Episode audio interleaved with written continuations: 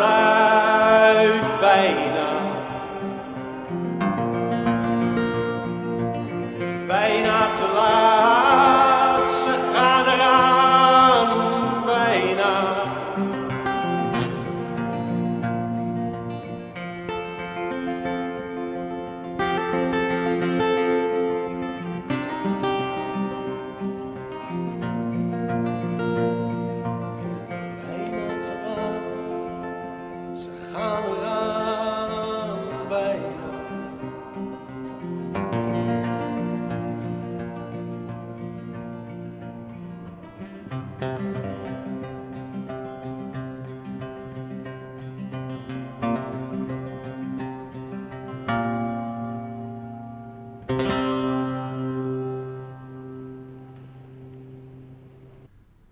Dit is de vierde podcast met een weergave van de dienst van 1 november 2020, waarin dominee Dan Hartog uit Nijmegen preekt in nagedachtenis aan dominee Jan Koopmans.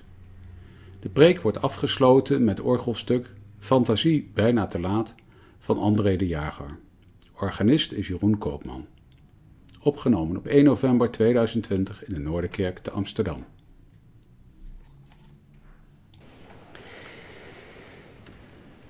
Ik wil graag met u lezen vanmorgen uit het boek van de Psalmen.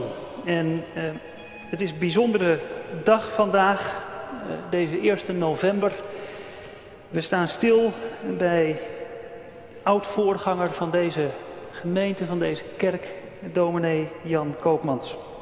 En dit zouden we al veel eerder gedaan hebben natuurlijk, in mei. Maar omdat het uitgesteld moest worden, valt het nu ineens op de dag die in de Rooms-Katholieke traditie Allerheiligen heet. En wij protestanten, wij hebben geen heiligen. Of in ieder geval, dat zeggen we. En dit kerkgebouw getuigt daar ook van. Je zoekt vergeefs naar beelden, eh, die zijn er niet. Hier staat een preekstoel in het midden, daar ligt de Bijbel open. Er staat een avondmaalstafel, een doopvond. En dat is onze dienst.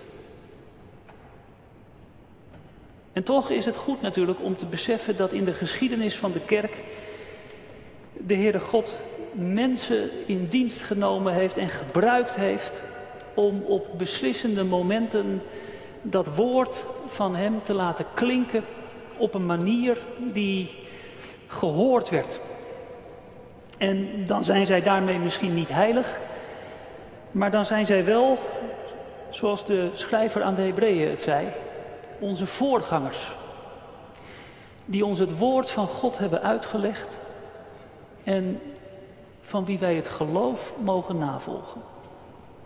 Op zo'n manier is het natuurlijk heel goed om vandaag stil te staan bij wat wij leren van Jan Koopmans. En om daar vorm aan te geven heb ik gekozen voor een lezing uit het Oude Testament, Psalm 9. Waarom heb ik daarvoor gekozen? Omdat in een van zijn boeken Koopmans een uitleg geschreven heeft van deze psalm. Voor de zendingszondag. Een dag dus waarop de kerk stilstaat bij haar taak in deze wereld. Wat hebben we nou te doen als kerk als we missionair bezig zijn? Wat hebben we te vertellen aan de wereld? Nou, het slot van Psalm 9 eh, zegt dat.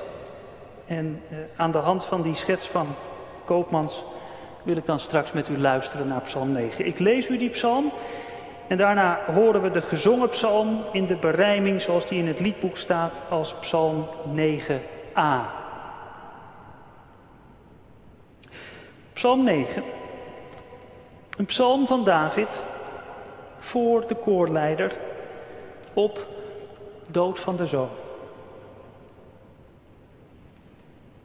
Ik zal de Heerde loven met heel mijn hart.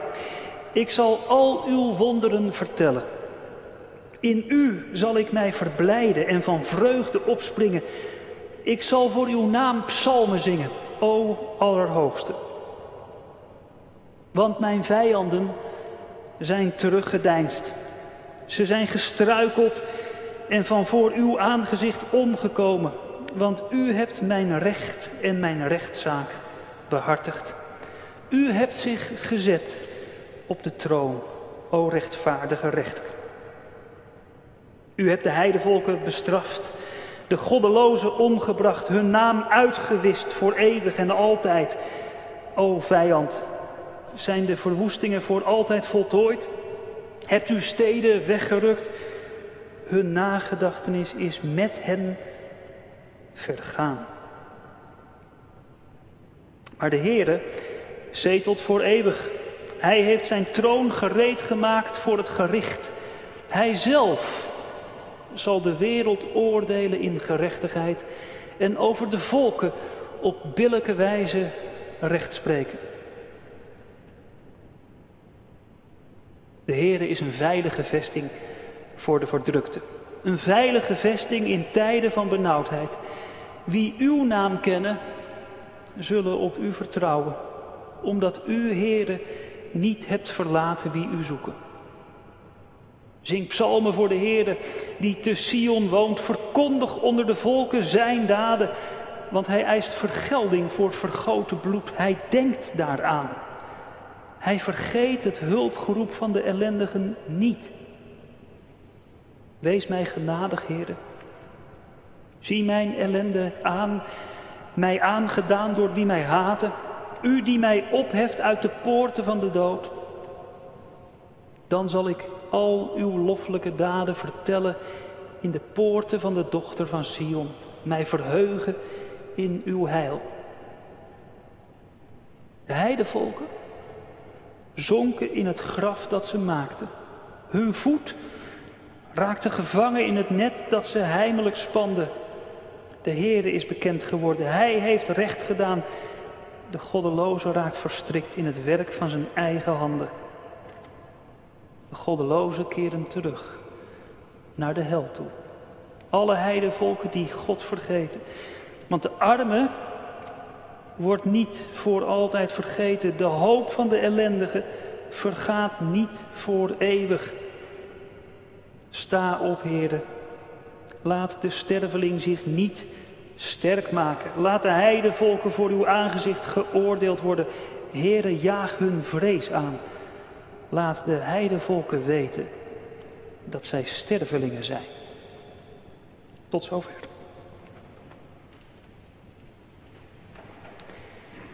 Bij het laatste vers van Psalm 9 wil ik met u stilstaan. In de vertaling, zoals Koopmans hem voor zich had liggen, stond daar eigenlijk wat je in de nieuwe Bijbelvertaling ook weer terugvindt. Jaag ze angst aan, heren. Zij moeten weten dat ze mensen zijn. Op de zendingszondag dus. Zij moeten weten dat ze mensen zijn. Straks luisteren we naar Psalm 136, vier versen.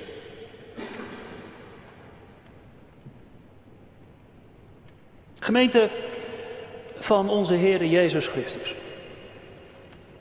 Psalm 9 kun je onmogelijk een zoete psalm noemen. En eigenlijk moet je zeggen, zoete psalmen zoek je sowieso vergeefs in de Bijbel. Zelfs die psalmen die wij graag zingen. Psalm 139. Heer die mij ziet zoals ik ben, dieper dan ik mijzelf ooit ken, kent Gij mij. Daar worden we door getroost. Maar zelfs die psalm sluit af met die felle woorden: God breng de zondaars om. Zou ik niet haten wie u haten? Ik haat ze met een volkomen haat. Nee, niet zo zoet, die psalmen.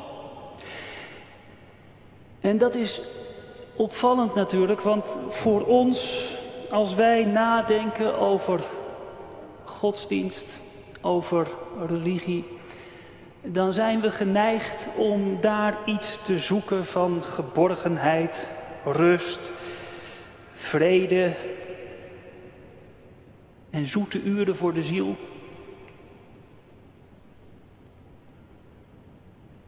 En dan trekken we ons dus terug uit de wereld waarin wij leven. Onze godsdienst bestaat dan daarin dat we eventjes ons afzonderen, even de deuren dicht, de ramen dicht, de gordijnen dicht, even ons terugtrekken uit die boze wereld. Om dan weer terug te keren. Dat is niet een weg die de Bijbel ons wijst. En aan zo'n psalm 9, maar ook een psalm 139 kun je dat zien. Die psalmen en heel de Bijbel zetten ons midden in die wereld waarin wij leven neer. Niet een vlucht eruit, niet gordijnen, deuren, ramen dicht en dan eventjes er niet aan denken. Maar de dienst aan deze God, de God van Israël, betekent dat je midden in die wereld staat en je ogen open hebt en ziet wat er gebeurt.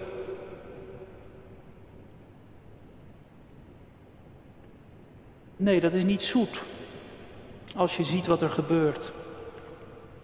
En dat is toch ook niet een reden om te gaan zingen, zou je zeggen. Waarom kan er dan toch gezongen worden? Omdat zo'n psalm niet blijft staan bij een inventarisatie van wat er allemaal gebeurt. En in die tijd van Psalm 9, nou ja, we hebben dat gelezen. Waren dat gruwelijke dingen.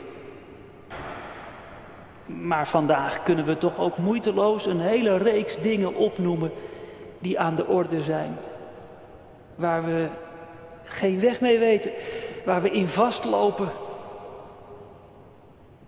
Wij weten toch ook van vluchtelingenkampen aan de randen van Europa.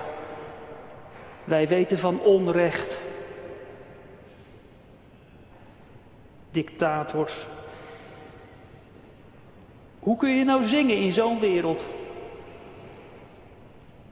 Nou, en dat wijst Psalm 9 ons dus. Die wereld is niet alleen. En die wereld die jij ziet is niet het enige dat er is. Er is een God. En die God die spreekt zijn oordeel. En die God houdt zich bezig met die wereld. Hij ontrukt, zegt de dichter, de ellendige aan de vergetelheid en hun beulen doet hij vergeten.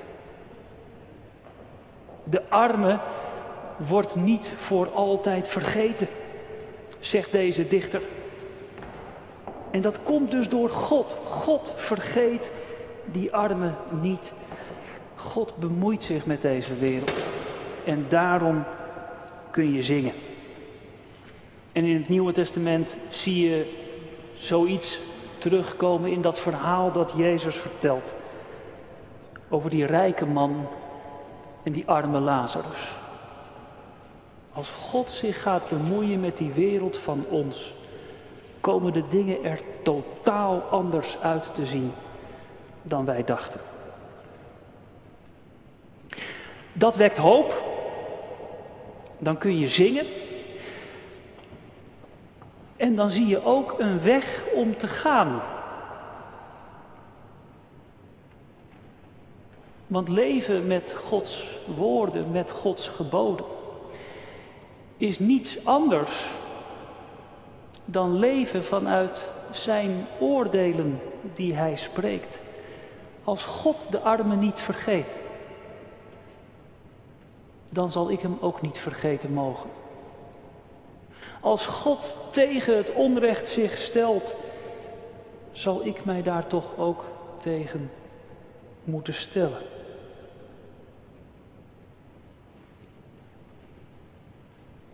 Wij moeten leren oordelen dus. En dan dat leren van God. Want oordelen, misschien zeg je nou dat kan ik best, ik doe het de hele dag. Als ik op mijn apps een likeje uitdeel, ben ik al aan het oordelen. Soms gedachteloos natuurlijk. Maar wat wordt er niet geoordeeld in deze wereld? Dat doen we toch aan de lopende band? Ja, zeker. Maar wij doen dat geregeld nogal genadeloos. Als God gaat oordelen, doet Hij dat in Christus. En dan is het dus anders. Leven met zijn woorden, leven vanuit zijn oordeel, betekent dus leven vanuit die genade en dat dan ook om je heen doorgeven. Maar hoe zit dat nou? Hoe weet je nou wat God zou oordelen? Eh, wat Hij van al die complexe vragen denkt waar wij vandaag mee lopen? Waar zit nou het punt? De psalm wijst ons de weg. Wat moeten wij leren? Wij hier in de kerk eerst zelf maar eens. En dan kunnen we het daarna misschien ook daarbuiten doorgeven. Dat wij mensen zijn.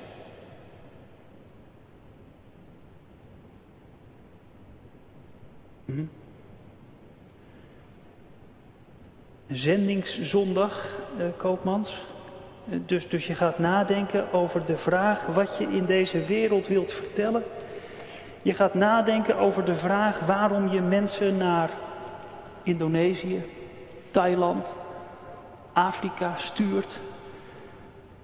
Ja, waarom sturen we mensen de wereld over? En nemen we ze in dienst als zendelingen? Wat is hun taak? Dit? Moet je in Thailand uh, gaan vertellen aan je hoorders dat ze mensen zijn? Moet je niet iets gaan zeggen over uh, God? Jezus? Um, vergeving? Bekering? Wij moeten zeggen, wij moeten leren dat we mensen zijn? Grapje zeker. Nee toch. Als we hier in de stad, als we hier in, in de wijk om de kerk heen getuigen willen zijn. Als hier iemand binnenloopt en aan ons vraagt, wat heb je mij nou te zeggen namens uh, die boodschap, namens die God? Dat je mens bent.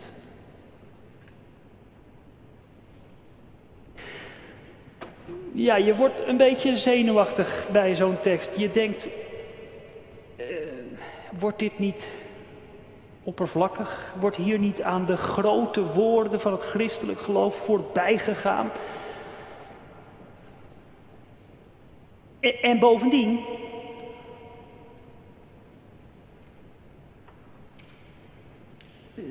dit is toch een open deur intrappen van je welste. Dat je in Thailand uit het vliegtuig stapt en op de markt gaat staan en tegen de mensen vertelt, u bent mensen.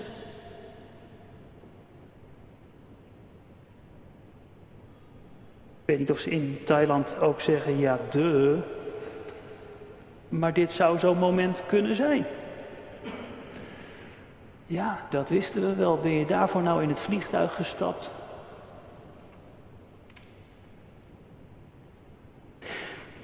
Dat hoef ik u toch ook niet te vertellen dat u mensen bent. Dat wist u wel, denk ik. U hebt goed opgelet bij biologie.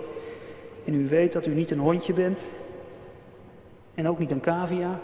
U bent een mens. Dat wist u wel. En, en daarbij. Um, hier in ons deel van de wereld Wat is daar niet enorm over die vraag nagedacht wat het betekent om mens te zijn? Grote filosofen, grote denkers.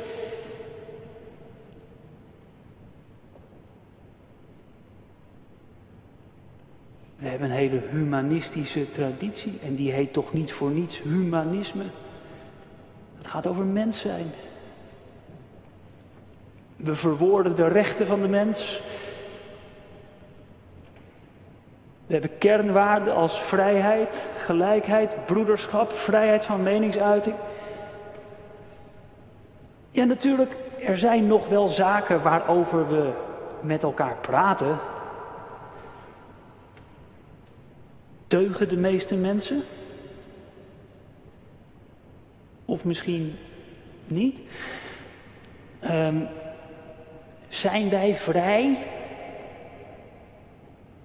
Of is al ons handelen eigenlijk op de een of andere manier al vastgelegd, gedetermineerd? Zijn wij ons brein? En stopt die hele cocktail van chemische processen op het moment dat ons hart ophoudt met slaan? Zeker, er zijn allerlei vragen over die mens te stellen, maar wij weten toch wel dat wij mensen zijn. En we weten toch ook wel wat dat is. Zou Psalm 9 dan in die discussies zich willen mengen? Zou Psalm 9 dan iets willen zeggen over of wij nou ons brein zijn of niet, of wij deugen of niet, of we vrij zijn of niet?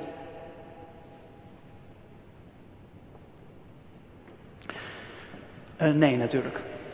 Psalm 9 denkt niet aan al die discussies, kent ze, denk ik, ook allemaal niet. Als die dichter van Psalm 9 bidt dat de volkeren om Israël heen met Israël mee zullen weten dat zij mensen zijn, gaat het om iets anders.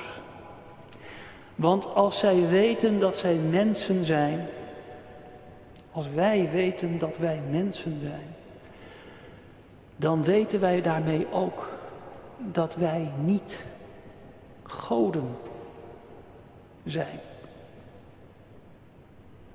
En daarmee trekt deze psalm ineens dingen in het licht, zet het ineens de schijnwerper op dingen die anders verborgen kunnen blijven.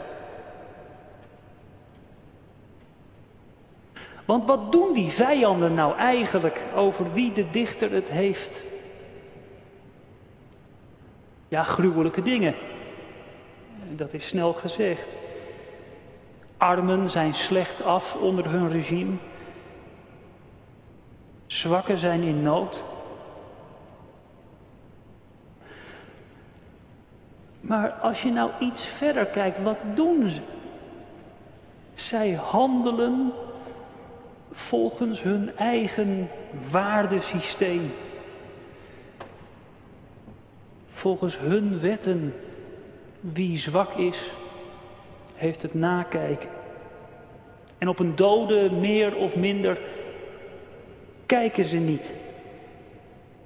Als je heel, heel goed luistert, kan de taal, kun je de taal al bijna horen. Lebensunwertes leven. Leven dat het niet waard is om ruimte in te nemen op de aarde. En dat daarom eigenlijk net zo goed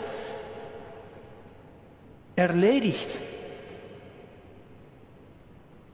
Weggewerkt kan worden. Joden gehandicapten, homo's, Sinti, Roma, Jehovah's getuigen. En nee, zo grof gebeurt het vandaag natuurlijk niet.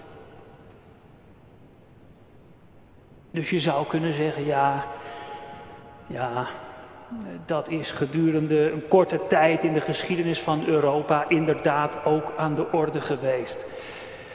Dat er een heel alternatief waardesysteem was.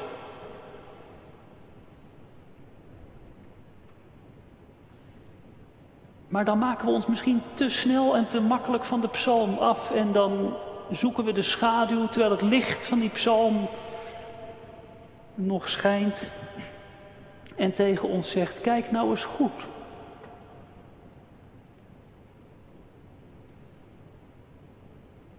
Wat doen wij vandaag eigenlijk? Als wij over mensen spreken in termen van economie.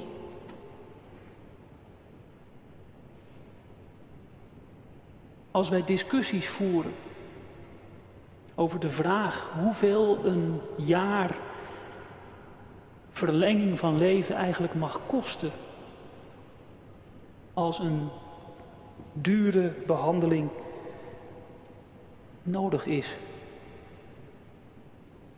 Als we op eindeloos veel terreinen de wetten van de markt laten regeren. Als wij onze producten laten thuis bezorgen. Door webwinkels die andere prioriteiten hebben dan arbeidsvoorwaarden, laat ik het zo maar zeggen.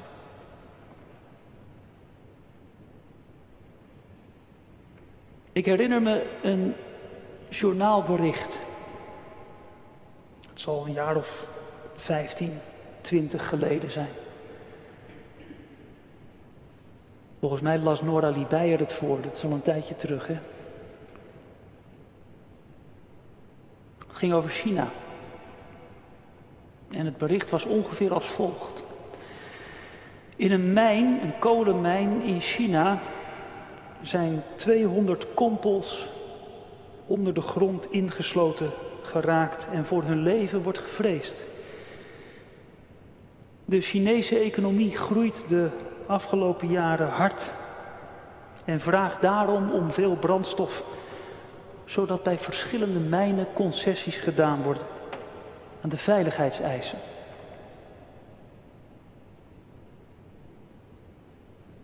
Daarna ging het journaal verder met iets anders. En heel Nederland nam nog een kopje koffie en een stroopwafel. En ik ook, denk ik eigenlijk. Maar ik dacht bij mezelf, wat werd daar nou eigenlijk gezegd? De economie groeit onstuimig. Alsof het een soort persoon is. En vraagt veel brandstof.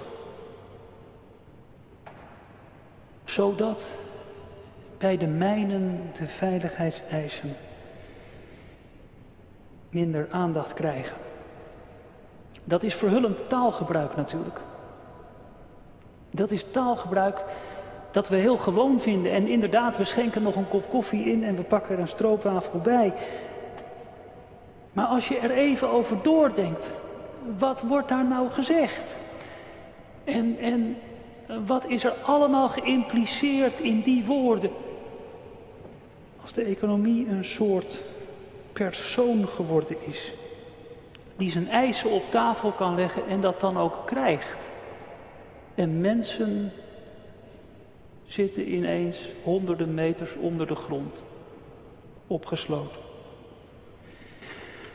Zij moeten weten dat zij mensen zijn. Dat moet ik weten. Want wij richten ons leven vaak in alsof wij goden zijn.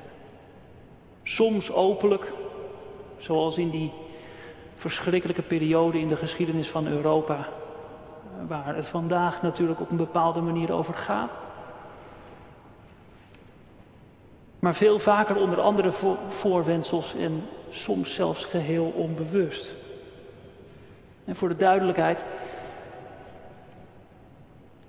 ik doe dat ook.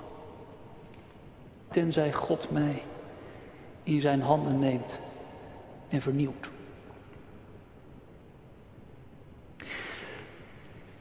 Wij moeten weten dat wij mensen zijn en ons dus niet gedragen als goden. En als je nou met die woorden in je achterhoofd kijkt naar wat er vandaag allemaal speelt,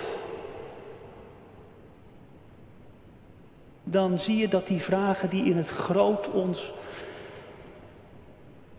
de adem benemen, eh, klimaat, eh, die vluchtelingenstroom, maar ook die dingen die in het klein ons bezighouden, je fiets die gejat is bij het station. Het heeft er allemaal mee te maken dat wij ons gedragen alsof wij goden zijn. Aan niemand verantwoording schuldig.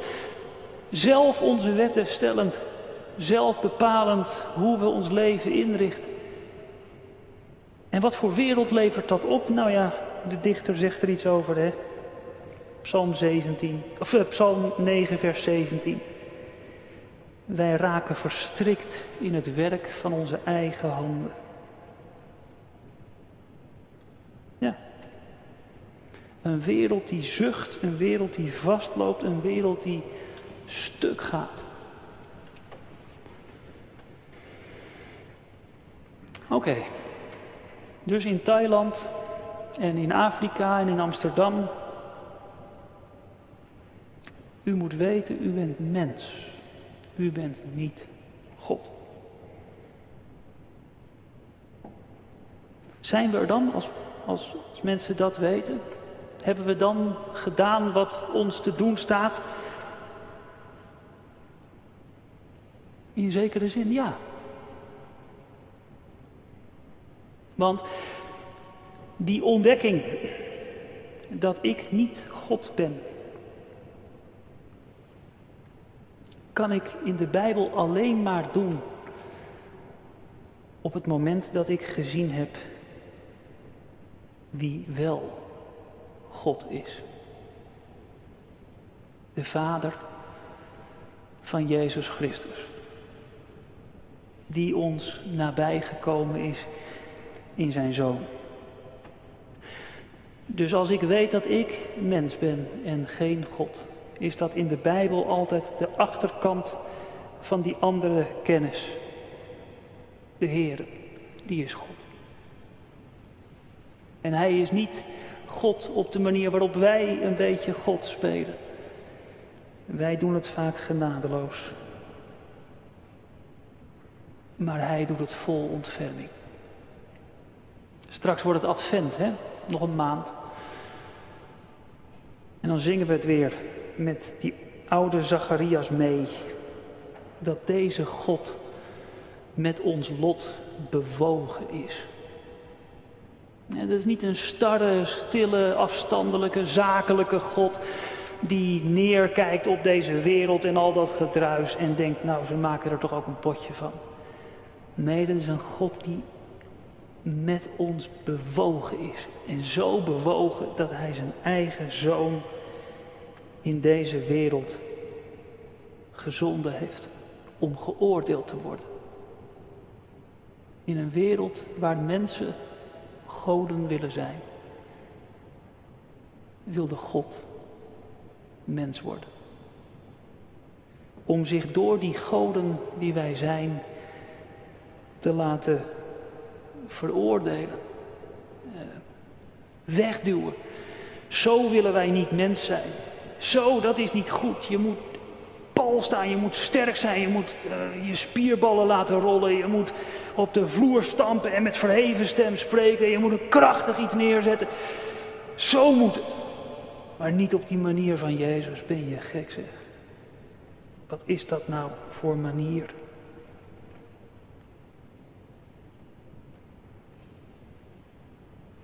Zie de mens, zegt Pilatus grinnikend, als die Jezus aan de mensen voorstelt.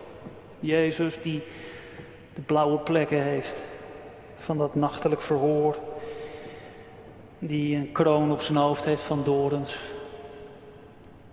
Zie de mens. En meer dan die het zelf in de gaten heeft, heeft hij gelijk. Want hij is inderdaad mens geworden. Mens om God lief te hebben boven alles en zijn naaste als zichzelf. Jairus kan erover meepraten. Lazarus, die jongeling van Nain, Zacchaeus, Martha en Maria, die kinderen uit Marcus 10. God lief boven alles. En de naaste als zichzelf. Hij heeft alleen maar goed gedaan. Laat Bach in de Matthäus Passion zingen. Hij heeft ons allen goed gedaan. En toch wordt hij gedood. Ja. Zo mens zijn. Uh, dat is niet mens zijn. Nee, nee, weg met hem. Maar God wekt hem op uit de doden. En God zegt tegen die wereld van ons, ja jullie, jullie hebben wel gezegd dat dit niet mens zijn is. Dat het zo niet goed is, maar ik zeg jullie, hij is de tweede Adam. En, en hij is het fundament van mijn nieuwe schepping, van het nieuwe Jeruzalem dat komt. Van een wereld waar gerechtigheid woont en vrede. Deze God die mens wilde worden, leeft. En regeert en werkt door zijn geest vandaag in mensen.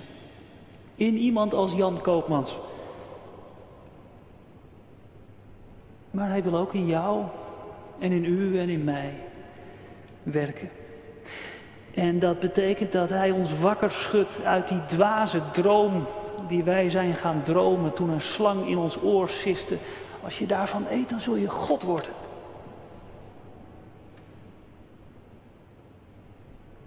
Hij maakt ons wakker en zegt: Nee, dat ben je niet. Je bent een mens. Luther zegt het in zijn uitleg van de brief aan de Romeinen. God maakt ons van de eenzame en hoogmoedige goden die wij zijn, tot wat wij werkelijk zijn. Dat is mensen, zondaren. Ja, en als Hij dat doet, dan doet Hij dat niet om ons eens onze plaats te wijzen, om ons eens te zeggen, nou ga jij daar maar eens een poosje je eigen kleinheid overdenken. Nee, dan doet Hij dat om zichzelf aan ons te schenken. Al dat goede, al dat heil dat Hij verworven heeft. Wij zijn mensen, geschapen door deze God. En we staan in het oordeel van deze God. En aan Hem mogen we ons toevertrouwen. Dan worden we vrij van al die leugens die we om ons heen horen. Van die gedachte dat wij zelf aan de macht zijn. Dan bouwen we niet meer een toren naar de hemel toe. Maar dan staan we bij een kribbe te kijken naar een God die omlaag gekomen is. En dan laten we ons vinden waar wij zijn. Midden in onze nood en ellende, midden in die helemaal niet zoete wereld van Psalm 9, want onze wereld is ook niet zoet. Daar worden wij gevonden. Door deze God. Mensen door God gewild, door God getroost, door God vrij gemaakt. Om te leven onder een open hemel. Zijn toekomst tegemoet. En om om je heen te kijken in deze wereld. En al die grote verhalen door te prikken en te weten. Jullie zijn mensen. Jullie zijn niet goden. De Heer, die is God. Amen.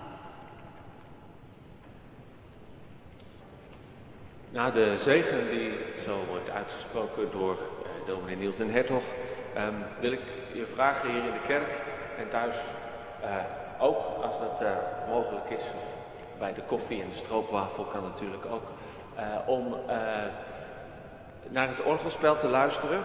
Dat is een, een speciaal orgelstuk wat gemaakt is om dat bijna te laat, die brochure die Koopmans geeft, te gedenken. Dat zal worden uitgevoerd door uh, Jeroen Koopman.